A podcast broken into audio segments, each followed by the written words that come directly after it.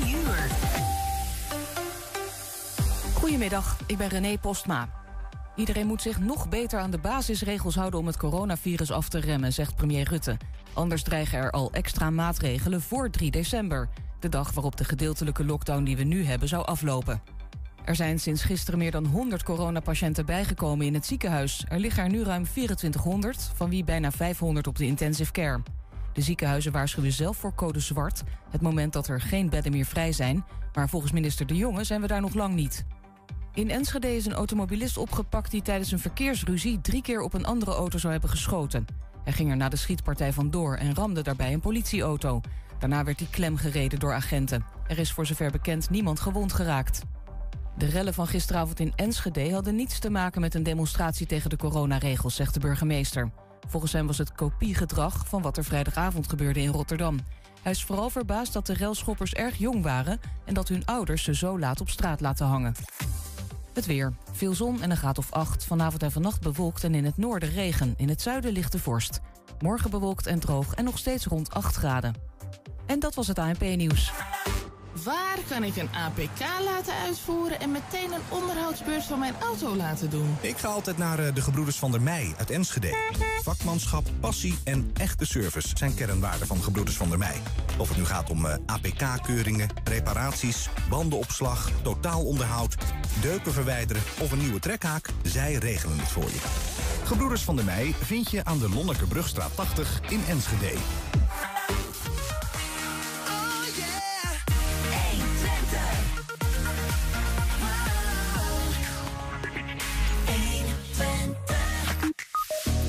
Enschede als drone-hoofdstad van Europa. Hoe reëel is dat en zien inwoners het eigenlijk wel zitten? Ja, ze geven het nog niet op in Engelo. Een actiegroep zet zich in voor het behoud van de oude Storkbibliotheek. We hebben de MBO-uitblinker van het jaar... en de Enschedese lijsttrekker van de Partij van de Dieren voor de Dieren voor je. En we kijken met burgemeester Theo Bovens terug op de ongeregeldheden van gisteravond. Het is maandag 22 november. Dit is 120 vandaag. 120. 1. 120 vandaag. Enschede als drone-hoofdstad van Europa. Dat is de natte droom van bestuurders, techneuten, ondernemers... en van drone-hoofdman Mark Sandelowski. Scheidend directeur van Space 053, het bedrijf waar het allemaal begon. Mark is bij ons via Zoom. Mark, welkom. Dag Niels, goedemiddag. Hoi, hey. Eh, klopt dat een beetje, het bedrijf waar het allemaal begon? Mag ik dat zo zeggen? Uh, nou, laten we beginnen met die natte droom. Dat klinkt toch wel als iets waar je, waar je toch wel bepaalde bedenkingen bij moet hebben. Oei. Ik denk dat het een ongelofelijke uh, belangrijke droom is van, uh, van, van bestuurders en organisaties. En het is niet helemaal bij ons begonnen. ik denk dat wij zijn ontstaan doordat een aantal visionairs in de regio zagen dat al die robots een ongelooflijk belangrijke rol gaan spelen in onze maatschappij. En dat we daar gewoon bij moeten zijn. Ja, maar als je de, jullie taak, zeg maar, is toch een beetje om het uh, ja, drone gebeuren in Enschede aan te jagen en te zorgen dat Enschede als drone hoofdstad uh, van Europa door het leven kan gaan in het vervolg, toch? Ja, daar heb je zeker gelijk in. Dus uh, die visie dat het een hele belangrijke stap is om in actief te zijn, die was er. Maar vervolgens moet je daar dan ook mensen voor gaan mobiliseren. En dat is bij Space 53 neergezet. Mm -hmm. hey Mark, nou zei ik ook in het intro, scheidend uh, directeur. En dan hebben we dat ook maar meteen gehad. Waarom stop je? Um, vooral persoonlijke redenen. Uh, vijf jaar lang trekken aan een toch uh, kleine, maar ongelooflijk uh, breed georiënteerde organisatie kost gewoon veel kracht en veel energie. En na een tijdje merk je dat het tijd wordt om het stokje over te dragen aan een, aan een opvolger. En dat moment is voor mij nu gekomen. Ja, precies. Maar, maar je hart voor drones en drone hoofdstad Europa Enschede is nog steeds even hevig brandend. Ja, dat is voor mij nog steeds een ongelooflijk ja. belangrijke doelstelling. Klopt. Hey, wat, wat maakt nou uh, Space 053, uh, op de Technology Base zit dat, en Enschede zo ultimatig geschikt, zeg maar, als uh, drone van Europa? Ja, ik denk dat je dan moet kijken naar waar Enschede ligt, in Nederland en in Europa. Uh, kijk, we hebben natuurlijk uh, met dat militaire, voormalig militaire vliegveld in uh, Twente hebben we een prachtige faciliteit. Niet alleen op de grond, maar ook in de lucht. En dat is iets wat veel mensen een beetje over het hoofd zien. Maar kijk, het is ook prachtig dat je een hele lang, lange landingsbaan hebt. Heel veel faciliteiten op de grond waar je van alles kan doen met testen en experimenteren. Maar Nederland is natuurlijk ook een druk land. En niet alleen op de grond, maar ook in het lucht, in het luchtruim. Ehm, er is nou eenmaal ongelooflijk veel luchtruim al gereserveerd voor, noem maar eventjes, de commerciële luchtvaart en voor de militaire luchtvaart. En dat betekent dat je voor drones al snel um, nou ja, in de knel komt. Maar wij hebben in Twente hebben een prachtige, uh, uh, nou ik zou het bijna uh, kunnen zeggen, lacune daarin. Een hele mooie lege een heel mooi leeg luchtruim, wat nog niet echt in beslag is genomen door aanvliegroutes van grote vliegvelden bijvoorbeeld. En dat maakt het wel tamelijk uniek dat je in zo'n uh, grote, uh, drukbevolkte omgeving als West-Europa gewoon zoveel ruimte ter beschikking hebt om ook met grote systemen te kunnen gaan vliegen. En, en daar mag het dus wel, want wij voor, voor onze omroep willen we ook wel eens een drone inzetten om, om videoopnames te maken. Maar Enschede, dan kijken we op zo'n kaartje, is eigenlijk één grote no-fly zone. Een beetje lastig. Ja, ja, dat is, dat is ook best lastig. Ik denk ook dat het een, een situatie is die gaat veranderen. Um, in principe is ooit een keer gezegd, daar waar een vliegveld is, of dat nou een vliegveld voor vliegtuigen is of voor helikopters, daar mag je niet vliegen met drones.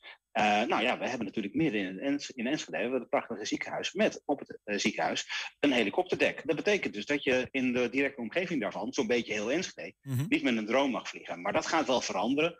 En op het vliegveld heb je daar geen last van. In ieder geval, wij hebben daar geen last van als testorganisatie. En je ziet gewoon dat er door de nieuwe regelgeving mogelijkheden komen om gebruik te maken van dat luchtruim. En dat is maar goed ook dat dat wel gereguleerd is, hè, want dat vliegverkeer is er gewoon. Maar de organisaties die daar gebruik van maken, die worden steeds professioneler en zijn steeds meer uh, en steeds beter in staat om veilig gebruik te maken van dat luchtruim. Ja, ja je, je, noemt al even, regelgeving zou het mogelijk kunnen maken om nou ja, wel te kunnen vliegen in Enschede. Tegelijkertijd is het vliegen in Enschede voor inwoners soms een reden om te zeggen: ja, maar wel als er goede regelgeving is uh, en mensen niet zomaar in mijn achtertuin kunnen kijken. Wat weet je eigenlijk over, um, hoe, wat vinden Enschede'ers eigenlijk van die hele ontwikkeling? Enschede als drone hoofdstad van Europa. Weet je daar iets van? Nou, dat is wel een goede. Um, ten eerste ben ik het volledig met ze eens. Ik snap uh, dat, dat gevoel van onbehagen wat je zou kunnen krijgen op het moment dat er nou ja, gewoon een vliegende camera boven je hoofd vliegt. Hè? Want dat is toch hoe heel veel mensen naar een drone kijken. Nou, wat ik ook weet, is dat voor veel mensen een drone inderdaad een camera is, terwijl dat in de praktijk eigenlijk heel vaak niet zo is. Drones die worden ingezet voor inspectie uh, en alle mogelijke andere uh, industriële toepassingen hebben vaak niet eens een camera waarmee je op de grond kan kijken. Dus dat is al, uh, denk ik, een verschil tussen nou ja, wat moet mensen er naar kijken en wat het echt is. Um, we hebben uh, niet echt heel specifiek aan mensen in Enschede gevraagd: wat vind je ervan? We hebben wel diverse pogingen gedaan om in gesprek te komen met de bevolking van Enschede. En wat je dan merkt, is dat ze aan de ene kant heel enthousiast zijn over die nieuwe technologie. Ook als het gaat gewoon over techniek en uh, uh, jongeren, hun eigen kinderen die daarmee aan de gang kunnen gaan. En aan de andere kant ook wel een beetje dat gevoel van: hmm, maar hoe zit het met mijn privacy? En ik wil ja. ze eigenlijk liever niet boven mijn tuin zien. Ja, precies. Nee, wij hebben het uh, wel uh, gedaan. We zijn echt de straat opgegaan met specifiek uh, die vraag aan inwoners: van nou ja, wat, wat vinden we er eigenlijk van? kijk even mee, dit waren de reacties, Mark. We staan hier in het prachtige Wolderikspark, waar alles mag wat God en de overheid verboden hebben. Wat dan bijvoorbeeld? Nou, vliegen met drones. We gaan zo meteen richting de Enschede binnenstad. En dat doen we omdat Enschede hoofdstad, drone-hoofdstad van Europa wil worden. Heel benieuwd wat mensen daar nou van vinden. Drones, weet je wat dat is? Drones, ja, ja? die vliegtuigen. Drones, ja zeker. Weet je dan waar ik het over heb? Drone? Drones, ja. ja? Dat is iets om te eten, hè? Nee. Chocola? ja, ik weet wat het is. Ja, de vliegende ondertassen als het ware. D? R? Zie je ze wel eens? Kom je ze wel eens tegen in het wild? Een paar vrienden van mij hebben mooie drones. U heeft er nog nooit één gezien? Nee. En, maar, maar denkt u wel dat ze bestaan? Nou, nee. Met een hele grove korrelzout. Nee, nee, nog niet. Is het drone? Ja. Ja, ik heb wel eens een drone gezien, ja. Maar niet vaak. Niet vaak, nee, nee. Drones? Ja? Ik vind het op zich nog een leuk idee, een leuke uitvinding. Ik vind het prima. Ja? Ja, ik vind het wel leuk. Ja, ik vind, uh, ik vind het wel een mooi speelgoed. Ik vind het vet gaaf, want daar kun je uh, fucking mooie shots mee maken. En um, is die ontwikkeling echt super. Beetje eng soms. Ah, ja. Ik weet eigenlijk niet zo goed wat ik daarvan vind. Uh, coole ontwikkeling. Soms vind ik het wel mooi. Valt met een brand of zo, dan kunt je toch meer zien dan ja. uh, gewoon. En wat vind je ervan? Ik vind het fantastisch dat je zo'n mooi beeld vanaf bovenaf kan krijgen. Ja. Als er ergens brand is, of uh, een, een drugs, zeg maar, een uh, drugslab. Kijk, de nadelen is natuurlijk als je aan uh, China denkt, die je overal kan volgen. Maar ik zie ook heel veel voordelen in landbouw. Dat je al kan zien van, hé, hey, uh, moet er iets aan een gewas gebeuren? Dus ja, ik, het, is, het, is, altijd dubbel. Als dat oplost aan de criminaliteit, ja, dan ben ik ervoor. Misschien pakketjes uh, sturen, uh, delivery en dat soort. Ja. Dat, dat was een keertje op televisie. Ja. Maar verder... Mm -hmm. In Afrika gebruiken ze vooral om... Mm, voor, don voor donors en zo. Uh -huh. Van A tot en met B te brengen, ja. ja. Ja, als het moet voor de, voor de volgende mensheid, vind ik prima. Ja. Buiten ergens vliegen of zoiets vind ik het hartstikke mooi. Maar als je in de tuin zit en dan zie je opeens zo'n drone om jou heen vliegen, dat vind ik minder. Enschede wordt uh, dus de bedoeling, hè? Dronehoofdstad van misschien wel Europa. Oké. Okay. En dan vliegen hier straks misschien wel duizenden drones rond. Nou, kijk, uh, hebben we wat te kijken. Ja, precies. Maar geen, geen uh, bezwaren? Maakt mij niks uit. Nee? Ik vind alles goed, als het wel leuk blijft. Oh, ja? Oh, geen idee. Daar wist ik niks over, maar grappig ja. of zo. Ik zou het niet weten. Ja, dat is echt zo. Gelooft u in sprookjes? ik niet. U heeft er nog nooit één gezien? Nee. Nou, dat waren ze niet. ze waren ook niet geen fietser, dus... Uh... Als er straks hier duizenden van die dingen door de lucht heen zweven, ben je helemaal in de achtertuin? Ja, dat is natuurlijk wel een beetje privacygevoelig. Nee, dat hoeft dan ook weer niet. Voor mij hoeft dat niet. Voor u hoeft dat niet? Nee. Want? Ja, maar het is, het is wel zo vol. interessant, neem ik Ja, voor jou wel. Nou, ja. ja. Stel nou dat er hier gewoon duizenden van die dingen door de lucht zweven. Boah, het zou echt kicken zijn, man. Zou je VV Het zou echt kicken zijn, wel echt. Nou, volgens mij hebben we al nauwelijks privacy als je een digitale telefoon hebt, dus... Dus u maakt zich wat dat betreft geen zorgen om privacy? Nee, ik denk dat, ik daar al, dat we daar al heel ver voorbij zijn. En ik denk dat duizend ook, uh, dat het ook utopie is en dat, dat wat we net ook al iedere keer gezegd hebben, als het functioneel wordt gebruikt, gericht inzet, gericht inzet heb ik daar geen probleem mee. Nee. Maakt zich geen zorgen dat u er zelf ook in de gaten gehouden wordt? Helemaal niet. Nee. We worden sowieso al in de gaten gehouden. Dus ik heb niks te verbergen. Dus ik vind het allemaal prima. Ja, als speelgoed vind ik het mooi. Maar om ze overal in de lucht te zien, dat, uh, nee. nee. Ik weet bijvoorbeeld dat uh, ja, Peter Paul Verbeek bij uh, Universiteit Twente werkt. En die dit soort vragen allemaal stelt. Hè. Die ziet positieve elementen in techniek. Maar er moeten wel steeds ethische vragen bij gesteld worden. En Um, dus ja, ik zou het heel goed vinden dat er dan zo'n soort onderzoeksteam zeg maar, uh, erbij betrokken wordt. Nou, ik doe een uh, technische studie en ook een data gerelateerde. Dus wat mag. Um, het ligt er natuurlijk aan wat je gaat filmen met zo'n drone. En in hoeverre je dan de privacy schendt van mensen. Als het voor de veiligheid gebruikt wordt of voor nou ja, weet je, handige dingen, dan is het goed. Ja. En denk jij dat die privacy voldoende gewaarborgd kan worden überhaupt? Nee. Er zoveel van die dingen... Nee, maar dat is natuurlijk ook niet met de mobiele telefoons tegenwoordig. Nee, Jij kan, ik kan nu ook een foto maken van iemand die voorbij loopt. En dat heb je nu al niet. Je moet de QR-code hebben, je moet alles hebben. En dan, ja, een beetje de privacy wordt wel steeds minder. Ja. Kijk, de telefoons die ja, gebruiken het allemaal chip in. Dus ze kunnen sowieso weten waar je bent. Ja. Ja. Horen wat je zegt, snap je? Tuurlijk. Dat is voor jou geen bezwaar? Is overal zo. Ja. Is al jaren zo, okay. snap je?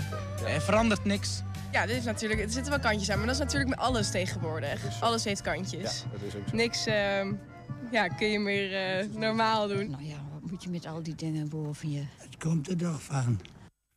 Het komt er toch van, uh, vandaag of morgen. We praten nog even verder. Dat waren reacties uh, van Enschede's over dus, uh, het idee van dronehoofdstad van Europa te worden.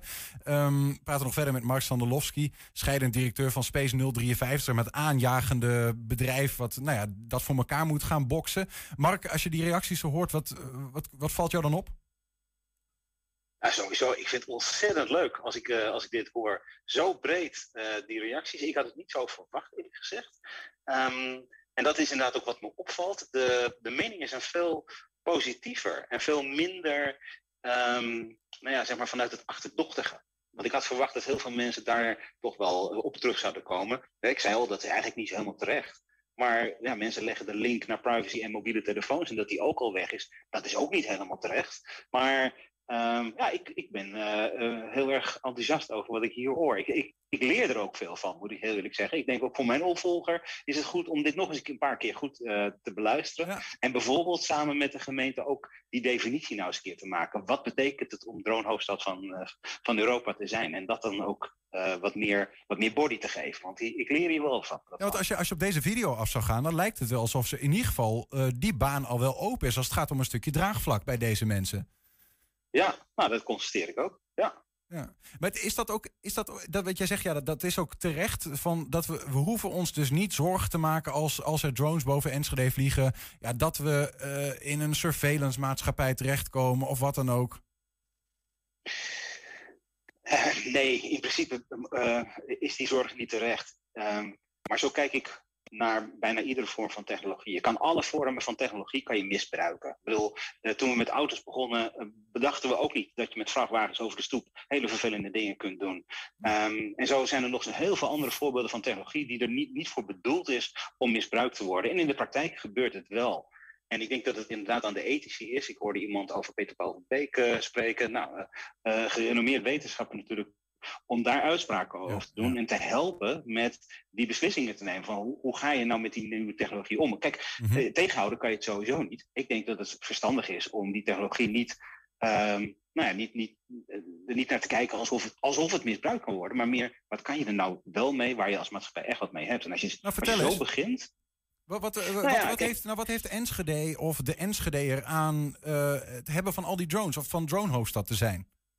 Ja, nou laat ik het dan specifiek op die dronehoofdstad houden. Ehm, drones gaan sowieso overal gebruikt worden. Robots, eh, voor, mij is een drone gewoon een vliegende robot. Eh, robots ga je straks overal in onze maatschappij zien. Die gaan functies invullen die we nu eh, zelf doen, of die we niet doen omdat we ze te gevaarlijk vinden, of die met heel veel moeite plaatsvinden. Denk aan, weet ik wat, het leggen van kabels voor hoogspanningsmasten, of het, het, het lappen van, van de ramen op hele grote hoogte en al dat soort zaken. Dat worden allemaal robots. Dat gaan dus ook drones doen.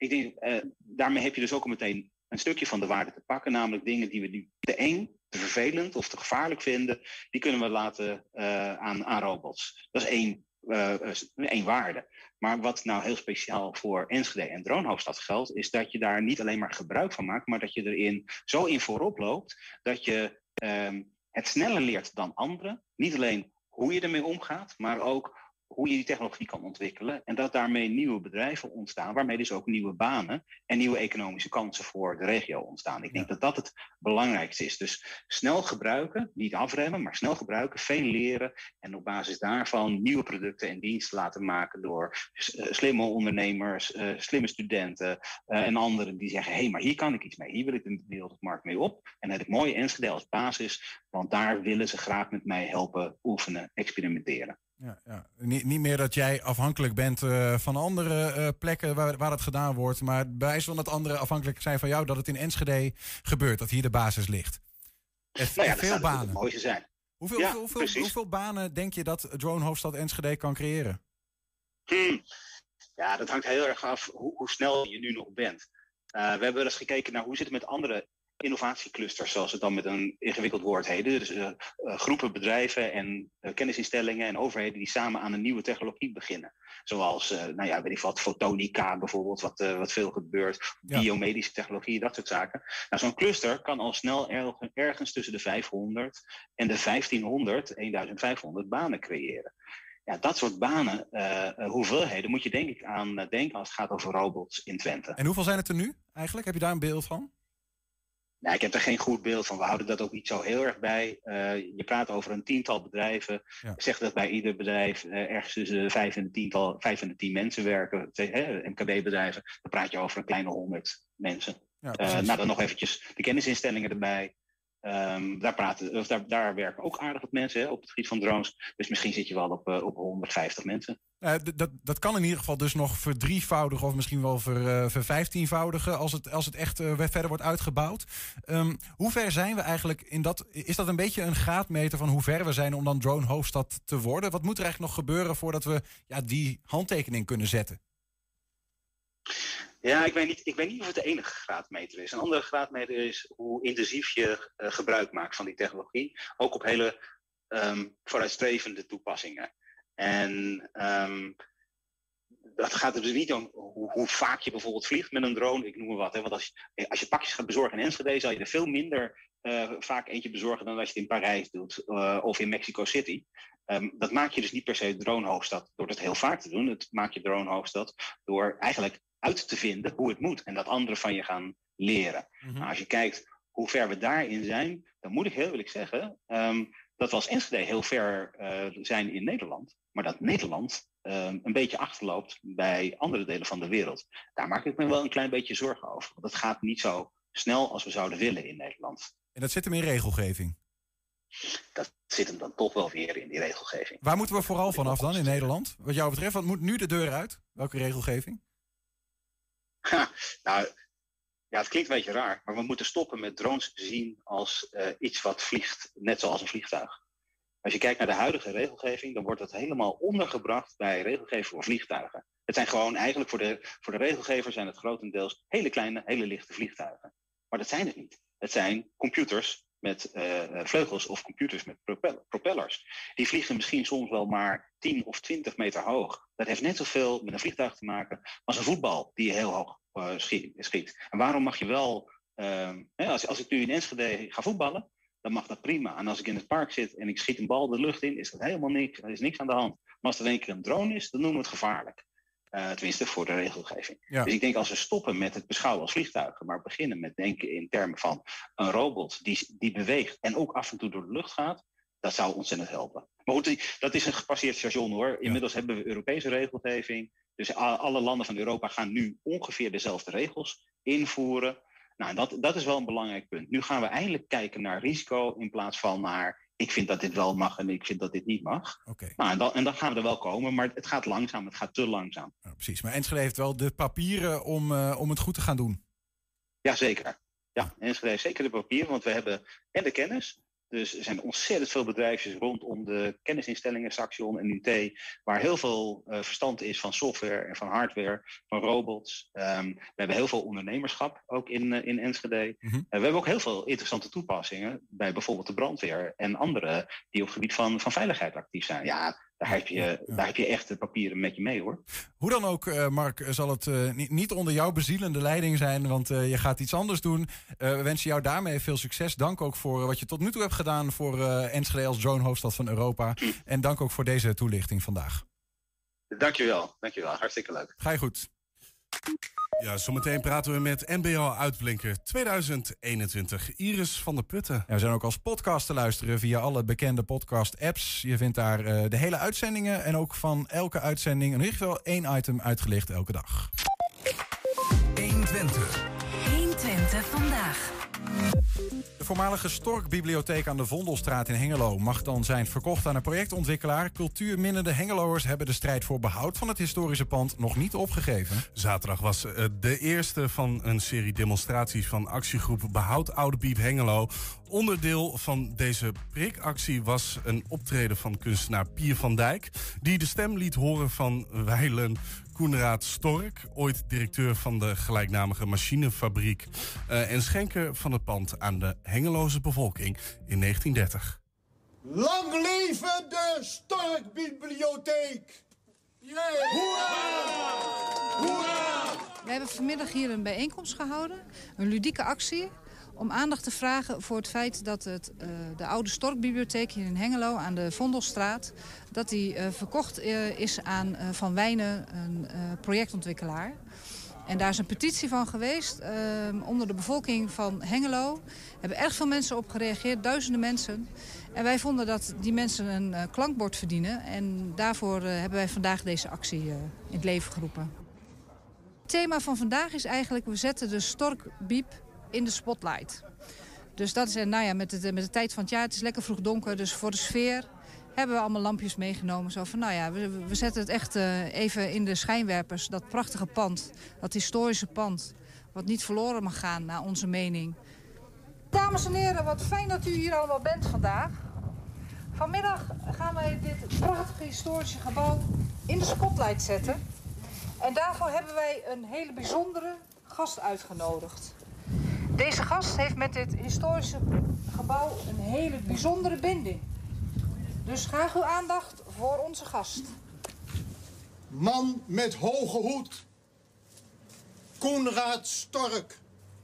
Zaterdagmiddag 31 mei 1930. Geachte aanwezigen. Fijn dat u op uw vrije zaterdagmiddag gekomen bent naar de opening van deze bibliotheek. Mijn geschenk aan de hele Hengeloze bevolking. Gisteravond werd het pas bekend. En ik merk echt dat er heel veel mensen zijn die uh, toch niet lekker zit hoe dit gegaan is. En uh, wat, die dragen dit een warm hart toe. Die zeggen echt van, hoe is het mogelijk dat er met zo'n mooi gebouw... dat daar woningen voorkomen. Voor wie was dit geschenk? Voor alle Hengeloers. Ja! Waarvoor was dit geschenk? Voor cultuur. Ja! Weg met die appartementen voor het hogere segment in dit door meneer Koen aan ons geschonken monument. Komen zeker meer van dit soort acties. Dus ik wil ook eigenlijk iedereen vragen van hou de uh, Facebookpagina in de gaten. Hè. Behoud Storkbiep voor iedereen. Facebookpagina, dus ook een Instagram-account, ook onder dezelfde naam. En er komen meer uh, leuke, ludieke acties, maar die uh, worden kort van tevoren aangekondigd.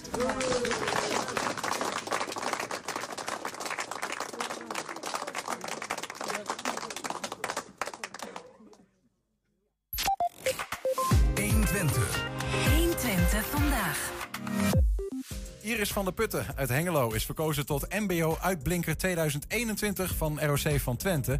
20-jarige studenten facilitair leidinggevende motiveert volgens de jury, ik citeer, anderen om niet bij de pakken neer te gaan zitten, maar door te gaan en een mooi diploma te halen.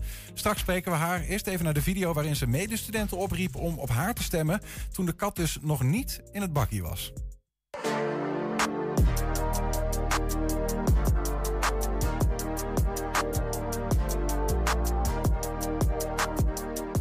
Hallo, ik ben Iris, ik ben 20 jaar oud en ik doe de opleiding facilitair leidinggevende. Ik ben mbo-uitblinken omdat ik met passie naar school ga. Ik heb van mijn stage mijn bijbaan gemaakt. Ik heb bewezen dat ik ontwikkeld ben, ik ben zelfstandiger geworden. Ik ben Jeanette Arking van de facilitaire opleidingen. Ik ben docent van Iris, ook stagebegeleider. Iris die is de mbo-uitblinker omdat ze doortastend is, heel zelfstandig en de afgelopen jaar een enorme ontwikkeling heeft doorgemaakt. Daarom is zij de mbo-uitblinker van het ROC van Twente. MBO vind ik erg belangrijk omdat de docenten de leerlingen centraal laten staan. Normaal ben ik eigenlijk heel bescheiden, dus doe ik dit ook nooit. Maar toch hou ik van uitdagingen, dus ga ik dit ook graag aan. Stem op mij. Ja, Iris. Normaal heel, heel bescheiden. En dan zit je in één keer in de radiostudio. dat is ongemakkelijk. Ja, een beetje wel. Dat hoeft niet hoor. Hey, maar het is gelukt. Van die drie genomineerden uh, ben jij gewoon uh, de MBO-uitblinker van ROC van Twente geworden. Ja, klopt. Ja, gefeliciteerd. ja, dankjewel.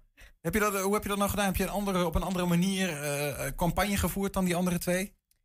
Um, ja, ik heb geprobeerd um, zoveel mogelijk stemmen binnen te halen door bijvoorbeeld op mijn werk mensen te laten stemmen. Ik ben bij vriendinnen geweest, vriendinnen hebben het van mij gedeeld. En op werk hebben ze het massaal gedeeld, bij voetbalclubs en zo. Dus Lijkt me, maar dat lijkt me oprecht ongemakkelijk. Want je, want je zegt ook van ja, ik ben daar niet zo van. En dan in één keer moet je jezelf heel erg gaan verkopen. Hoe heb je dan jezelf over die drempel heen uh, geworpen? Uh, ja, eigenlijk gewoon het gewoon te doen.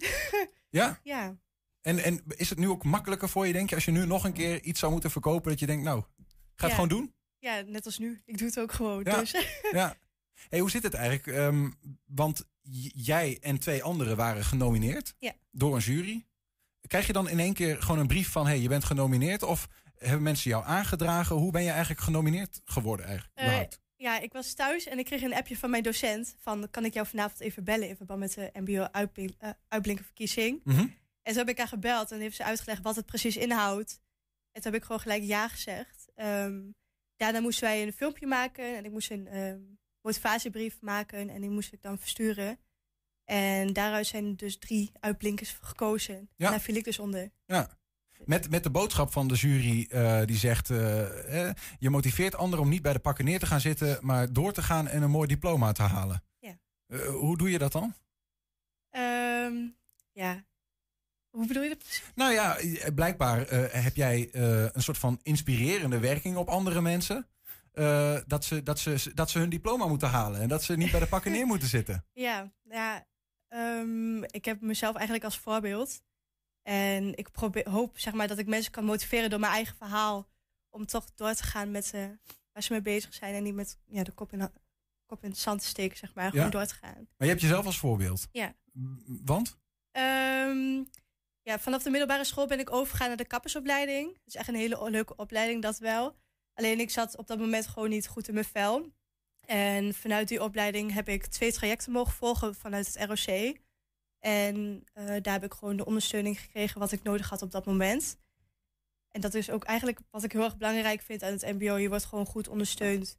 Ook bijvoorbeeld als je even niet goed in je vel zit. Of je weet niet of, ehm, ja, of de opleiding echt bij je past. Ze helpen je er gewoon bij. Mhm. En vanuit daar heb ik een nieuwe opleiding gekozen. Dus facilitair leidinggevende. En ja, ben ik ook gewoon goed aan mezelf gaan werken. Ja. En ben ik waar ik nu sta. Ja. Nou ja, je zou kunnen stellen van oké, eh, ROC heeft dus jou goed geholpen, zeg je, om eh, van die kappersopleiding waar je een beetje, nou ja, je zat niet helemaal lekker en om facilitair leidinggeven te gaan doen, daar zit je beter, Mhm. Ja, denk ik. daar zit ik Eh, beter, inderdaad. Maar om toch een beetje kritisch te blijven, je zou kunnen stellen, ja, misschien had ik nooit aan die kappersopleidingen moeten beginnen. Hè? Heeft het ROC je goed genoeg daarover geïnformeerd? Ehm, bedoel je over de kappersopleiding? Ja. Ehm, ja, het lag gewoon echt puur aan mezelf. De opleiding meer was bij gewoon- jezelf. ja, het lag meer bij mezelf. Ja, ja. De opleiding en zo is gewoon heel leuk. En ik ben wel goed geïnformeerd, ook met de open dagen en zo. En ook door de doc- docenten met een eh, gesprek wat je van tevoren krijgt voor de opleiding. Dus Precies. Maar het- uiteindelijk, in de omstandigheden waarin je zat, was het beter om facilitair leidinggevende, eh paste dan beter bij ja, je. het paste beter bij mij. Dus. Ja, ja. Wat is het eigenlijk? Want ik denk dat heel veel mensen, ja, facilitair leidinggevende. eh, vertel eens, wat, waar leer je eigenlijk voor? Wat ga je doen? Ehm, ja, het is eigenlijk een hele brede opleiding. Je kan best wel veel kanten op. Ehm, een voorbeeld, ik werk nu bij een inkoop- en adv- adviesbedrijf. Maar ik zou ook bijvoorbeeld op een ziekenhuis leidinggevende van bijvoorbeeld een restaurant kunnen worden. Ja, je kan eigenlijk alle kanten op. Bijvoorbeeld ehm, voor een schoonmaakbedrijf, dat je de mensen ook aanstuurt daar. Ja. Dat je ook zo'n leidinggevende bent. Je kan eigenlijk heel veel kanten op en dat is ook goed en fijn aan deze opleiding. Heb je een idee wat je zelf wil dan? Ehm, wat ik nu doe is eigenlijk heel leuk. Ehm, ik doe contractbeheer. En afgelopen stage heb ik bij het ziekenhuis stage mogen lopen. Mhm. En mijn stagebegeleidster was een projectleidster. En dat lijkt me ook heel gaaf om eh, later te kunnen doen. Projectleider te worden. Ja. De jury zegt ook iets eh, over jouw boodschap waarmee je zeg maar, campagne hebt gevoerd. Eh, die is namelijk, als mensen in je geloven, dan kun je stappen zetten. Ja. Hoe bedoel je dat? Ehm, in de tijd dat het gewoon wat minder ging, hebben de mensen die om mij heen, zoals vrienden en zo, die bleven mij gewoon supporten. En dat heeft mij ook wel gewoon heel erg goed geholpen met door te gaan. Ja, want is het belangrijk dat je support hebt van anderen, zeg maar, om jezelf dan goed genoeg te voelen om iets te doen? Waar zit het dan in? Ehm, ja, ik denk dat het gewoon iets heel persoonlijks is. Als je op, ehm, ook gewoon de hele tijd omlaag wordt gepraat van... goh, je kan het niet. Dan krijg je toch ook geen motivatie om door te gaan. Van goh, ik ga mezelf werken. Of ik ga weer naar school toe. Mhm. En als mensen jou supporten... van goh, je doet het goed of blijf doorgaan... dan doe je het ook sneller. Ja. Heb je het idee dat je met deze titel op zak, MBO-uitblinker, ehm, dat je ook wat meer, laat ik zeggen, autoriteit hebt om ook andere, andere medestudenten, zeg maar, dat te laten ge- geloven? Ja. En dat probeer ik ook gewoon over te laten komen. Van goh, ga gewoon door. Ja. Hebben, ze, hebben, ze dat ook no- hebben, heb je, hebben de MBO'ers dat ook nodig soms? Een beetje die. eh, Ehm, ik denk dat er genoeg medestudenten zijn vanuit heel Nederland die gewoon niet goed in hun vel zitten en die toch dat stukje support nodig hebben. mhm.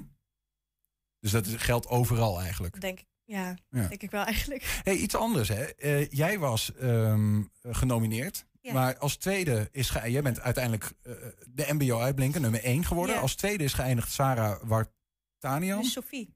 Oh, sorry. eh, sorry, Sophie Scharenborg. Ja. En als derde dan, denk ik, Sarah Wartanian. Ja, dat klopt. Dat zijn alle drie vrouwen. Ja. Zijn vrouwen sneller uitblinkers dan mannen? Of is dat gewoon toeval? Eh, nee, dat denk ik niet, want vorig jaar waren ook twee eh, jongens genomineerd en één meisje. Mhm. Oké, dat is gewoon toeval. Ja, gewoon toeval. Daar hebben, we- hebben we het maar eventjes eh, eh, zeg maar gezet voor de record. Ja. Hey, nu ben je MBO-uitblinker. Nou is het klaar toch? Nou kun je gewoon op je lauweren rusten. Ehm, ja, voor nu is het nog heel veel rustig, Oh. maar ik ga door naar de landelijke finale. Dus. En daarvoor gaan we ook weer dingen doen. En ik heb ook al te horen gekregen dat we ook met alle MBO-uitblinkers gewoon dagen bijvoorbeeld naar Utrecht of naar Apeldoorn gaan om dingen te gaan doen. Oké, dus je, je bent nog wel eventjes bezig met nu campagne voeren om Twente op de kaart te zetten, zeg maar. Ja. Ja, ja wat leuk. En als je dan, eh, de, de- stel dat je dat wel wordt of niet wordt, even dat daar gelaten. Uiteindelijk heb je die MBO-studie die je nu doet, facilitair leidinggevende, ben je klaar mee? Wanneer hoop je klaar te zijn? Ehm, ja, ik zit nu in mijn tweede jaar en de opleiding duurt drie jaar. Maar ik wil wel graag doorstuderen in, eh, naar HBO. Oké, daarna ga je HBO. En wat, wat ga je dan doen? Eh, gewoon de HBO-versie van mijn opleiding, dat is Facility Management. Nou, veel plezier daarmee. Ja, en, eh, en eh, wij gaan voor je duimen dat je ook gewoon eh, landelijk MBO-uitblinker wordt. Dankjewel. Iris, dankjewel voor je komst. Ja, zometeen gaan we kennis maken met een nieuw gezicht in de strijd tijdens de gemeenteraadsverkiezingen. En wel die van de nieuwe lijsttrekker van Partij voor de Dieren. 120. 120 vandaag. Nou, even iets tussendoor. Ehm, Vorige week, uh, Twents kwartierken hier, toen hadden we het woord van de week, gasstok. Weet je nog? Ik eh, kan het mij vaagjes herinneren, ja. Nou ja, en ehm, dat hebben we op Facebook gezet. Dat doen we altijd. Krijgen veel reacties. Hè. Wat we dan vragen Mhm. is, gasstok gaan we de straat op. En dan vragen we mensen, weet je wat dat is? Is dat A, dit, B, dat, C, dat? Nou, gasstok bleek een wandelstok. En daar reageren mensen onder op Facebook van, ik weet wat dat is. Een van die mensen was Wilma Waaienberg. En ze zei het volgende. Hartstikke gemakkelijk. Een gasstok is een wandelstok gemaakt van een tak van een boom. Je had ze die in een kronkel waren gegroeid of ze worden met de hand gesneden. Aan de Ekersdijk in Glanenbrug bij de achteringang van het sportcomplex van Avanti zit bijna elke middag een man op een bankje een gasstok te snijden. Nou, de- deze boodschap van Wilma, dat prikkelde ons. We dachten van, hé, hey, dat moeten we achteraan. Dus we zijn op zoek gegaan naar die man waar ze het over heeft. De man met de gasstok. We staan hier bij de ingang van de Glanenbrug en we zijn op zoek naar... Ja, de man heet Menne de Jong en hij schijnt hier achter de voetbalvelden ongeveer elke dag te zitten om stokken te snijden. Goorstokken. We hebben een tip gekregen van een mevrouw uit Glanenbrug. We gaan eens kijken of we hem kunnen vinden.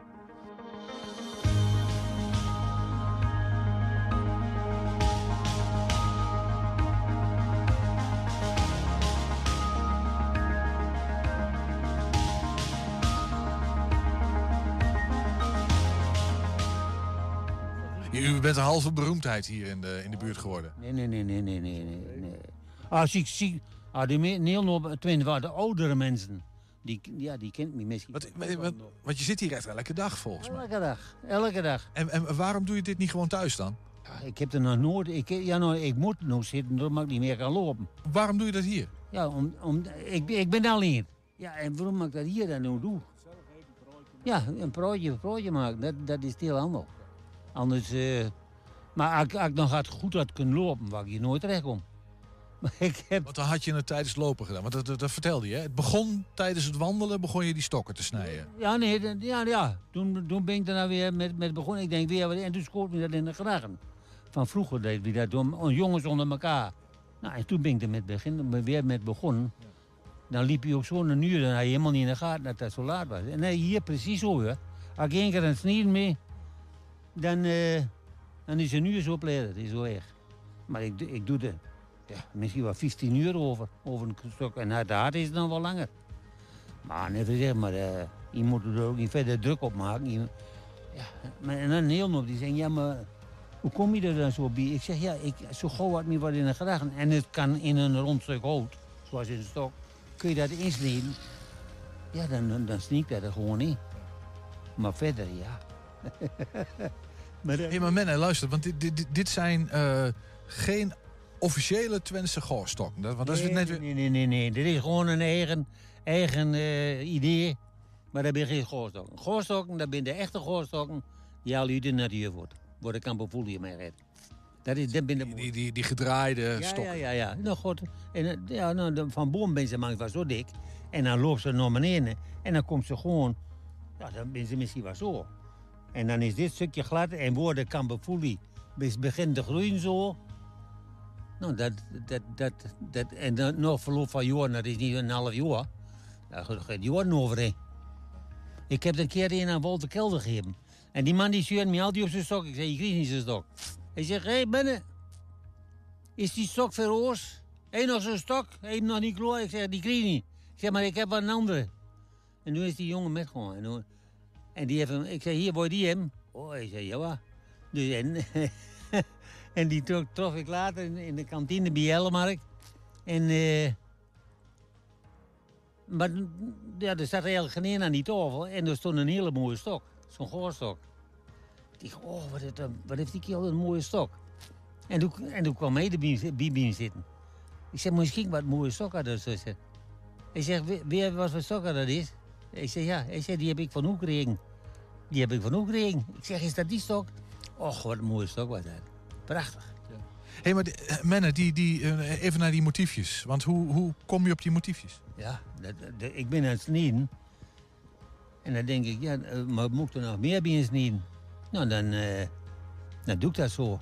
Beste dikke knuppel, die jij bij de achterdeur staan, hè? Maar het is, het is heel simpel. Maar die jij bij de achterdeur staan, die dikke knuppel. Die ik bij de voordeur zo. maar ja, ze kunnen op de bel drukken, maar ik weet het niet meer. Ik ben zo door waar ik waddel. Gelukkig misschien, ja, van de ene kant. Maar het is vervelend. Het is wel gebeurd, dat, dat, dat doe ik niet. Oh, god, oh, god. Dan doe ik het nooit weer. Als ik, ik niet meer weg, weg kan komen, ik heb mazzel dat ik die oude auto heb. Anders kon, ik de deur niet meer uit. Als ik die stokken, voor elke stok die ik weg heb gegeven, heb je later dat 20 euro kreeg, dan ik, dan heb ik een splinternieuwe auto kunnen kopen. is toch een mooi verhaal. Geweldig. De man met de garstok. We gingen op zoek en we vonden hem gewoon. 120. 120 vandaag. Ja, verhitte gemoederen bij railschoppers in Enschede gisteravond. Eerder vanmiddag spraken we de burgemeester over de strijd voor het bewaren van de eenheid. Enschede neemt de schade op nadat gisteravond opnieuw rellende mensen door de binnenstad trokken. Burgemeester Theo Bovenstrat handhavend op door rond half negen een noodbevel uit te geven. Waardoor niemand meer op het stadserf mocht komen zonder duidelijke bestemming. Daarna kon de stad worden schoongeveegd. De vraag is wel, kan er ook preventief worden geveegd? Anders gezegd, waarom ontstaan dit soort rellen en kunnen we iets doen om ze te voorkomen? Burgemeester Bovens van Enschede is eh, aan de lijn. Goedemiddag. Goedemiddag. Misschien eerst even beginnen bij die schade. Eh, weten we daar al iets van? Hoe erg is dat? Nou, het valt in die zin reuze mee. Hè. We hebben het, eh, denk ik, door eh, goed kordaat optreden van de politie is het niet gekomen tot, tot plunderingen of brandstichtingen of, of anderszins. En is het beperkt gebleven tot een hier en daar verbrande scooter, wat bloembakken, wat fietsen kapot en dergelijke. Dat is overigens al allemaal vervelend, maar Ja. het is absoluut niet zo uit de hand gelopen als dat vrijdag in Rotterdam het geval was. Ja. Misschien kunt u ons kort meenemen. Wat, wat gebeurde er nou gisteravond in de binnenstad van, van Enschede? Ja, voor zover wij dat eh, eh, dan, dan kunnen zien. Iedereen heeft natuurlijk zijn eigen verhaal. Maar voor zover wij dat hebben gezien, hebben wij al de hele middag eh, waren er signalen op social media dat mensen zich zouden, samen zouden moeten verzamelen in de binnenstad. We hebben dat met een aantal scenario's in de driehoek ook voorbereid van wat zouden we doen als wat de een en We zagen vanaf een uur of zes ook inderdaad letterlijk eh, samenscholingen van eh, met name jongeren en dan echt jongeren van 14, 16 jaar. Dus eh, echt, ja, sommigen zeggen nog kinderen zou bijna zeggen. Maar ehm, we hebben geprobeerd om die ja, met overtuiging en met, met politiediensten aangesproken zorgen dat de mensen naar huis gingen. Dat is niet gebeurd. Voor het geval dat ja, mensen gingen zich echt verzamelen werd wat vuurwerk afgestoken enzovoort, werd wat dreigend. En iedereen zat echt te wachten van eh, wat, eh, wat, wat gaat er gebeuren. Nou, nogmaals, we hebben geprobeerd om de mensen vrijwillig het centrum uit te krijgen. En we hadden een noodbevel achter de hand voor het geval dat, eh, dat dat niet zou lukken. Dat mensen zich niet, eh, niet weg... eh, Wat, wat betekent dat concreet gezegd als je een noodbevel uitvaardigt? dan heb je, ja, dus op de, eerste- je- je mag natuurlijk gewoon in Nederland gaan en staan waar je wil. Dus de politie kan niet tegen je zeggen, je moet hier vertrekken. Dat kan eigenlijk alleen maar als aanleiding voor is of, of dat er een toestemming voor gegeven wordt. En het noodbevel eh, dat we hebben afgevaardigd voor het hele centrum geeft dan de politie de bevoegdheid om mensen te verplichten om te vertrekken. En dus als mensen dat dan niet doen, om ze dan eventueel aan te houden of eh, te verwijderen. En dat, dat maakt het verschil tussen het eh, alleen maar eh, adviseren om te vertrekken of verplichten om te vertrekken. Ja, en dan zien we ook dat de ME op een gegeven moment eh, in een linie een soort van charges gaat uitvoeren om het eh, Ja. centrum schoon te vegen. Dat is dus de de volgende stap eigenlijk. Hè. Dus als het noodbevel moet worden uitgevoerd en als mensen nog steeds niet reageren op het feit dat er een noodbevel is, dat dat kondig je dus eerst aan met geluidswagens, et cetera. Eh, dus dan kunnen mensen vrijwillig gewoon ook nog het, eh, centrum eh, verlaten. Nou ja, als men dat dan nog steeds niet doet, en dus dan zich niet verwijdert, en sterker nog, eh, bij elkaar blijft groeperen, et cetera, dan kun je ervoor kiezen om eh, de ME eh, te laten schoonvegen. En dat kan in allerlei vormen. En gisteren is dat eigenlijk vrij heel rustig lopend, lopend gebeurd. Meneer Bovens, nou bent u ehm, als burgemeester eigenlijk portefeuillehouder van veiligheid in de stad. U bent verantwoordelijk Ja. voor de veiligheid in Enschede. Aan de andere Ja. kant bent u ook burgervader. Hoe, hoe verhouden die twee rollen zich op zo'n Ja, moment dat is, dat, dat is, een, is een uitdaging. Kijk, je wil natuurlijk de, de bevolking eh, verbinden, hè, mensen met elkaar verbinden en mensen ook zorgen dat als er eventuele conflicten zijn, et cetera, dat zich die in de minnen worden opge- opgelost. eh, dat, eh, dat, eh, dat op een, eh, vreedzame wijze gebeurt. En aan de andere kant, ja, je bent ook inderdaad verantwoordelijk voor de openbare orde en zorgen voor de veiligheid van, eh, van mensen en de veiligheid van eigendommen van mensen. Die wil ook dat het centrum, ja, dat er niet geplunderd wordt, geen brandstichting plaatsvindt enzovoort. Dus dat, dat, eh, dat moet je alle twee in de gaten houden. Ja. Heeft, u, heeft u dan ook enig zicht eh, op eh, naar waarom eigenlijk dit soort dingen gebeuren in deze tijd? Waarom deze jongeren, of misschien ouderen, maar u zegt vooral jongeren, dit doen? Nou ja, kijk, ik wil echt een onderscheid maken tussen mensen die willen demonstreren. Hè, want dat is natuurlijk een andere recht wat je als burger hebt. Je hoeft het niet met alles eens te zijn met de overheid. En dan kun je gebruik maken van het demonstratierecht. Eh, en dat laten we ook toe. En dat laten ik denk ook in Nederland vrij ruim toe. En aan de andere kant eh, trekken we wel een lijn als het gaat als mensen willen rellen of willen ruzie willen maken of willen plunderen of vuurwerk willen afsteken op de plekken waar dat niet kan. Eh, en willen, ja, letterlijk willen, en willen vechten. En dat komt ook voor. Dat, en, en dat vermengt zich wellicht in deze tijd wat meer dan anders. Maar ja, daar treed je natuurlijk wel tegen op. Dat doen we overigens ook tegen vechten rond, rond het voetballen. Dat doen we rond het, het vechten rond, eh, maar ook rond eh, de, de corona-avondklok. eh die geweest is. Het voetbal is Dus natuurlijk in die zin, ja. bij, bij, het voetbal is het wel zodanig anders dat daar leven dat soort voetbalsentimenten met, met hooligans. En nu, dit is eigenlijk ja. voor mij, in ieder geval in mijn leven, relatief nieuw dat je het ook ziet in de binnenstad rondom maatregelen die de overheid neemt. Ja. Want ook bij die, bij die jongeren die er dan zijn, zal, zal het ergens vandaan komen dat ze hun gevoel op een of andere manier, op een rare manier uiten, toch? Ja, laat ik het anders stellen. Dat mensen willen rellen, eh, ja, dat, eh, dat, dat, dat, dat, keur- dat moet je dus niet goedkeuren. Natuurlijk, dat komt ergens vandaan. En of dat betekent dat mensen een uitlaatklep zoeken of serieus. Maar ik wil absoluut niet gaan, eh, niet doen alsof dat te maken heeft met het niet eens zijn met een bepaalde maatregel, et cetera. Op de social media is totaal niet merkbaar geweest waartegen men dan zou demonstreren of men, waartegen men dan in opstand zou komen. Men wilde gewoon we gaan de stad in en we gaan rellen. En dat is wat, wat daar staat. En eh, de reden waarom, eh, ja, dat ligt dan toch veel meer in, eh, in waarschijnlijk in de privé-situatie of situatie van mensen in verkeer enzovoort. Natuurlijk, mensen zullen, zullen dat niet vanzelf doen. Dan moet je ook proberen achter te komen. En vandaar ook mijn oproep Ook vanochtend eh, naar mensen die in, in opvoeding actief zijn. Dat kunnen ouders zijn, dat kunnen leerkrachten zijn, dat kunnen jeugdwerkers zijn enzovoort. Ehm, eh, ja, heb het er ook met jongeren over. Spreek daarover, spreek jongeren ook aan. Eh, ja, zorg dat jongeren een toekomst hebben, perspectief hebben op een baan, op een goede opleiding enzovoort. Dat hoort er allemaal bij, dat klopt. Maar dat keurt niet, dat mag nooit goedkeuren dat mensen naar, naar stenen of naar vuurwerk grijpen. Precies. Dus, maar het gesprek voer, blijven voeren met de jongeren is een goeie, goed preventief middel om Ja, te proberen altijd. dit soort dingen te Ja, voorkomen. altijd. Eh, Kijk, niet, niet spreken met jongeren is altijd erger. Dus eh, je moet zeker blijven praten met die. Zeker, ja. Nog één vraag. Ehm, Mhm. deze, deze oproepen eh, horen wij gebeuren in eh, groepen op social media. Die groepen zijn soms eh, open en soms ook besloten. Is het, Mhm. is het, is het lastig voor u als, als, als veiligheidshandhaver om, Mhm. ja, om daarin te, te kijken wat er eigenlijk gebeurt in dat soort besloten groepen?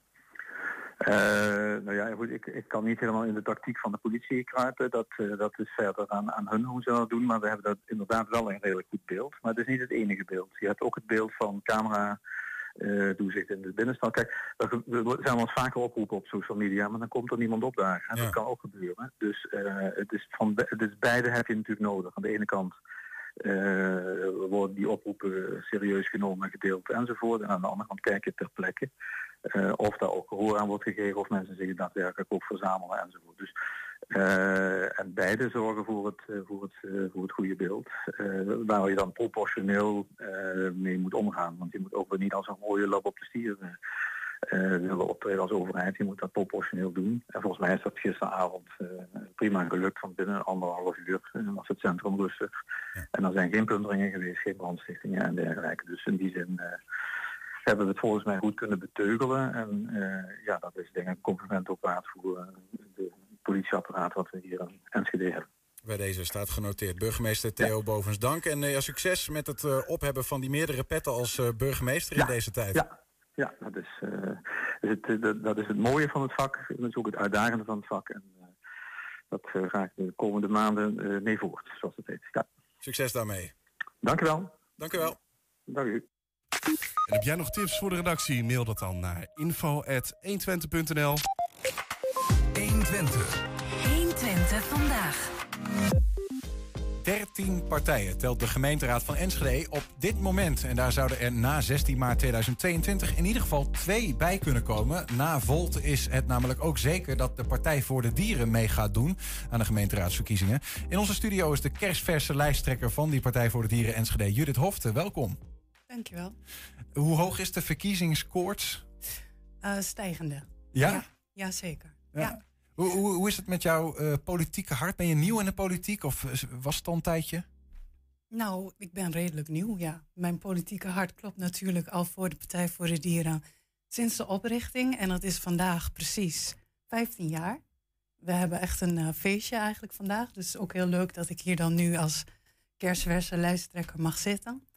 Maar ehm, ja, dierenwelzijn ja, gaat mij na aan het hart al heel lang, van Hm. kinds af aan. Sinds dat het Partij voor de Dieren er was, was je erbij?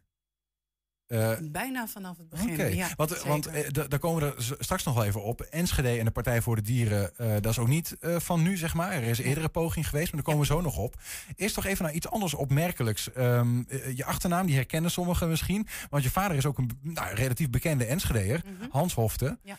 Ehm, hij, hem kennen we toch vooral als hij is een PVV-man. Hij is ook raadslid geweest voor de Stadspartij. Ehm, dat is een toch wat andere politieke inslag. Zeker. Vonden wij opmerkelijk. Ja, dat snap ik. En eh, in tegenstelling tot mijn vader heb ik wel idealen waar ik aan vasthoud. En ehm, ja, verder is het gewoon iets waar ik eh, ja, niet, niet, niet zoveel mee kan. Nee, nee. Maar hoe, hoe, hoe gaat het? ehm, hoe, hoe kom je dan zo bij wat toch wat linkse kamp terecht uiteindelijk, denk je? Terwijl je vader toch wat van een andere politieke spectrum is. Ja, de Partij voor de Dieren wordt vaak geplaatst links, maar wij zijn niet links en niet rechts. Wij stijgen natuurlijk met onze planeetbrede visie boven de partijen uit. Mhm. En ja, mijn, mijn vader was rechts, ik ben links. Ik denk dat het eh, elkaar goed in evenwicht houdt. Is het ook van die, eh, uit, uit, ja, nou ja, die koker gekomen dat je zeg maar het idee had thuis van nou ik moet wat tegenwicht bieden of ik moet, is er, nog wat, is er nog wat anders op de wereld dan dat? Absoluut. En er was nog wat anders op de wereld dan dat. En ik vond dat ook stukken beter dan. Ja, ja, ja. Ja. Ja. Ehm, dat is dus al minimaal 15 jaar zo dat je zo eh, in elkaar zit. Was dat altijd of is dat zich, heeft dat zich ontwikkeld? Dat je nou ja, die stem voor de dieren bent gaan vertolken? Ja, dat, dat heeft zich ontwikkeld. Maar ik denk, daar ben ik echt van overtuigd dat elk kind, ehm, dat, dat zie je ook vaak wel, eh, een, een hart heeft voor dieren. En langzaam maar zeker in, in de opvoeding ver- verlies je dat contact. Vaak Mhm. ook met, met de natuur. En het is gewoon ja, heel belangrijk om dat, eh, om dat te herstellen. Contact met de natuur, Ja, met dierenwelzijn. dieren en Ja. eh, aarde zelf, denk ik. Een Absoluut, stukje duurzaamheid. Ja. ja. Ehm, vier jaar geleden, noem het al even, deed Partij voor de Dieren wilde ook meedoen in Enschede. Dat lukte toen niet. Was je er Nee. toen al bij? Ja, zeker. Waarom Ja. lukte het niet? Ehm, te weinig mensen nog. Op de, op kieslijst. nog- ja, er waren toen nog te weinig mensen die eh, de idealen van de Partij voor de Dieren konden omarmen. Wij zijn een ja, langzame, klauterende partij. Wij, wij klauteren langzaam op in de peiling. Wij groeien gestaag. Dus we hebben toen een poging gedaan en is het niet gelukt. Maar zo gaat het vaak, hè? Bedoel, de eerste keer toen de Partij voor de Dieren meedeed aan de Tweede Kamerverkiezingen, lukte het ook net niet. En de tweede keer wel. En voor de Partij voor de Dieren Enschede is dit de tweede keer. Dus we gaan het nu gewoon doen. Mhm. Di- dit keer is het wel gelukt om in ieder geval die kieslijst voor elkaar te Ja. boksen. Dat is Ja. een voorwaarde, neem ik aan. Ja, we hebben 16 fantastische kandidaten. Ja. Ja. Nou ja, ik ben ontzettend benieuwd eh, of daar nog wat bekende namen op staan. Maar daar komen misschien sowieso zo nog wel op. Ehm, was het dan moeilijk om die lijst voor elkaar te boksen dit jaar? Nee, dat ging, deze keer ging dat eh, heel goed. Omdat we ook al sinds 2015 ja, daaraan werken. Een werkgroep hebben. Je leert elkaar steeds beter kennen. Je ehm, ja, voert za- gezamenlijk acties. eh, je, je voert campagnes. Dus op die manier groeit dat er- organisch gewoon toe naar zo'n eh, kieslijst. Nou ja, er is ook echt al een partij voor de dieren Enschede wat dat Ja, betreft. Het is een soort van beweging. Ja, ja absoluut. Ja. Ja. En wat, wat, wil, wat wil die beweging dan? Eh, eh, want ja, landelijk gezien kan ik me nog wat voorstellen. Daar is misschien nog wat beleid wat op dieren gericht is, wat je aan kunt sleutelen. Lokaal gezien vraag ik me af, wat, wat is de speelruimte? Wat kunnen jullie betekenen voor dieren of voor Nou ja, we zijn natuurlijk wereld. breder dan alleen dieren. Onze missie is natuurlijk het leefbaar maken en houden van Enschede voor al haar inwoners. Mhm. Dus voor mensen en dieren. En dan niet alleen voor nu of, of de komende vier jaar, maar gewoon ook voor de langere termijn. Hoe ziet Enschede eruit begin volgende eeuw? Ja, maar ik kan me voorstellen dat bijvoorbeeld eh, GroenLinks eh, ook eh, iets dergelijks zou kunnen zeggen. Ja, Wa- waarin verschillen jullie dan van Volt GroenLinks Enschede? Nou, wij zijn voor, ehm, ja, noem je dat, ecologische bloei in plaats van die oneindige economische groei. GroenLinks zet heel erg in op groei en groei en dat is gewoon niet langer het antwoord. Er zitten gewoon grenzen aan de groei. Mhm. En hoe moet ik dat concreet voor me zien? Stel dat jullie dan eh, de, de, de macht grijpen. Dat is waarschijnlijk al helemaal niet de des Partij voor de Dieren. Nee, nee, maar stel dat jullie iets te Ja. zeggen krijgen in Ja. Enschede. Wat gaat er dan concreet veranderen? Waardoor die eh, economische groei eigenlijk nou ja, om wordt gezet in ecologische groei. Nou, wat wij heel graag zouden zien is dat Enschede vooruitstrevender wordt en bijvoorbeeld de klimaatcrisis uitroept. De Partij voor de Dieren heeft een heel goed klimaatplan, 1.5 heet het. Daar kan Enschede gewoon uit putten. En als je een goed klimaatplan neerlegt en de inwoners ook ehm, ja, informeert, dan denk ik dat je heel veel Enschedeërs mee kunt krijgen in die transitie die nodig is. Wat, is dat, wat behelst dat dan, dat klimaatplan? Nou, vooral veel vergroening. Maar dat, dat hebben, we hebben hier Jurgen van Hout eh, twee weken geleden, de wethouder, vorige week gehad. Die zegt, Enschede moet één groot park worden in 2050. Dus dat staat in principe al op de agenda. Ik denk dat hij ons verkiezingsprogramma heeft ingezien. Ja, nee, maar goed, je kunt niet een klein beetje verduurzamen hier en een beetje vergroenen daar. Je, je bent er niet met twee windmolens en een zonnepark. Je- er is gewoon veel meer nodig. Een soort totaalpakket. En de- maar kun je, kun je proberen om daar nog iets concreter in te worden? Want windmolen, zonneparken kunnen we voor ons zien. Ja. Wat, wat, wat hebben we nog meer? Wat kunnen we vastpakken straks? Wat, als jullie eh, het voor het zeggen hebben, zeg maar. Nou, kijk, we zijn nu natuurlijk heel hard bezig eh, om, om met onze groep mensen het verkiezingsprogramma echt lokaal eh, te maken voor Enschede. Dus we zijn heel druk bezig de details om in te zoomen. Wat willen wij? Wat kunnen wij? En hoe gaan we dat aanpakken? Dus zodra we dat hebben, stuur ik je een exemplaar. Maar wat, wat wij nu belangrijk vinden is dat in de Raad de urgentie niet wordt gevoeld. De klimaatcrisis gaat Enschede niet overslaan. Dus wij zullen ook actie moeten ondernemen. En Enschede is geen eilandje daarin. Maar als we niks doen, dan is Enschede straks in de toekomst misschien wel een eilandje. Ja, ik moet toch even denken aan GroenLinks-raadslid Marianne Schouten... die zich hier heel druk om eh, maakt. Ja. Eh, en eh, nu met hè, tussen twee haakjes klimaatstress... een beetje, nou ja, die, had, die was dan maar even te veel. Dus Ja, die, heeft die strijd wel degelijk gevoerd, toch? En, maar misschien wel als roepen in de woestijn. Ja, en dat moeten we dus voorkomen. We moeten geen, geen woestijnvorming hebben. En als we niks doen, dan gaan we daar in Enschede wel naartoe. Er is gewoon te veel verstening. Het kan veel groener. En ik begrijp heel goed eh, dat iemand daarop vastloopt. Omdat je gewoon niet veel beweging meekrijgt. Maar je merkt waar de Partij voor de Dieren mee gaat doen in gemeentes. Wij zijn gewoon de donkergroene buitenboordmotor die anderen gewoon aanjaagt. Je kan niet meer weg als wij in de raad zitten en continu zullen hameren op klimaat, op biodiversiteit, eh, ja, op dierenwelzijn ook. Enschede schijnt helemaal geen dierenwelzijnsnota te hebben. Nou, dat kan toch niet? Die moeten komen. Absoluut. Ja, Een, een duidelijk, eh, duidelijke visie van Enschede op het gebied van dierenwelzijn. absoluut. Want die, is, voor- moet, in Enschede is die anders dan in Hengelo, bijvoorbeeld. Ik ben niet op de hoogte van, van Nou, maar even lokaal gezien verschi- moet dat, kan dat verschillen. Ja, Want ik dat me kan- dat kan verschillen, Dat is dus zo'n zo'n Ja. ding waarvan ik zou denken, ja, dat is toch een lokaal, of dat is meer een landelijk vraagstuk. Hoe gaan we in Nederland om met dieren, toch? In plaats van hoe gaan we in Enschede om met dieren? Nee, ik denk dat het belangrijk is om ook te kijken hoe gaan wij om in Enschede met dieren. Want je ziet bijvoorbeeld ook, eh, wij zijn erg geschrokken van het rapport over de menselijke maat. De Partij voor de Dieren is er ook voor mensen die op welke manier dan ook in de knel komen. En dan zie je als je daarin verdiept dat ehm, huisdieren, mensen die hulp nodig hebben, waar hulp over de vloer komt, die een beroep doen op de wet maatschappelijke ondersteuning, dat dan niet wordt gekeken hoe gaat het met het dier in dat huis. Dat niemand daar oog voor heeft, dat is ook belangrijk. Veel inwoners van Enschede hebben een dier wat ze zien als een familielid. Dat is niet maar een dier, dat is gewoon heel belangrijk. Daar zullen we ook ja, meer aandacht voor moeten hebben. Mensen moet, het moet voor mensen ook betaalbaar blijven om een huisdier te kunnen hebben en houden en er goed voor te zorgen. Met wie ga je dat doen? eh, vanaf, eh, vanaf maart. Heb je een aantal namen die op die kieslijst staan? Want je Ja, staat zelf eh, bovenaan. Ja, klopt. Eh, de nummer twee is Karin Verkuilen. De nummer drie is Patrick Hoetink. De nummer vier is... ehm, oh ja, daar staan we. Ehm, ja, dit zijn bijna alle mensen eh, van de lijst. Moet ik ze opnoemen van links naar Nou, rechts? ik zie, wel- als ik zo kijk, wat zie je bijvoorbeeld ook eh, Wim Lentink. Ja, Wim Lentink staat niet op de lijst, maar kon de, de behoefte niet weerstaan om toch mee eh, te doen. Hij eh, ja, adviseert ons soms eh, op de achtergrond. Een soort lijstduwer, terwijl die niet op de lijst staat. Moet ja, dat zo dat, zien? dat vind ik een mooie omschrijving, ja. ja, ja. I see. Maar dit is de club mensen op wie we kunnen gaan stemmen als we Partij voor de Dieren willen stemmen in maart. Ja, dit zijn er tien en er ontbreken nog zes. Ja. Hoeveel zetels? even een gokje, gokje Oh, of ja. schatting? Hè? Toch even. ja, dan moet je altijd gaan overdrijven, hè?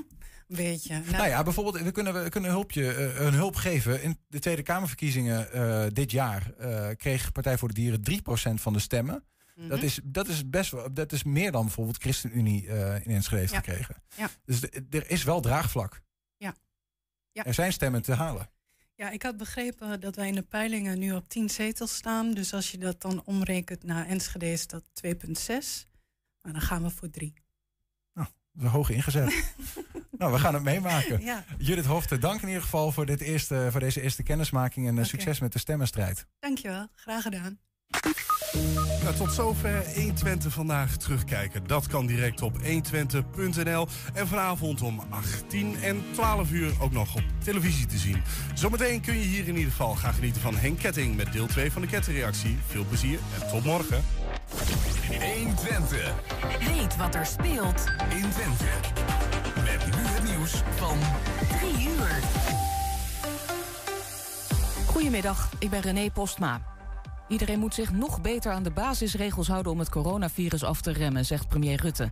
Anders dreigen er al extra maatregelen voor 3 december, de dag waarop de gedeeltelijke lockdown die we nu hebben zou aflopen. Er zijn sinds gisteren meer dan 100 coronapatiënten bijgekomen in het ziekenhuis. Er liggen er nu ruim 2400, van wie bijna 500 op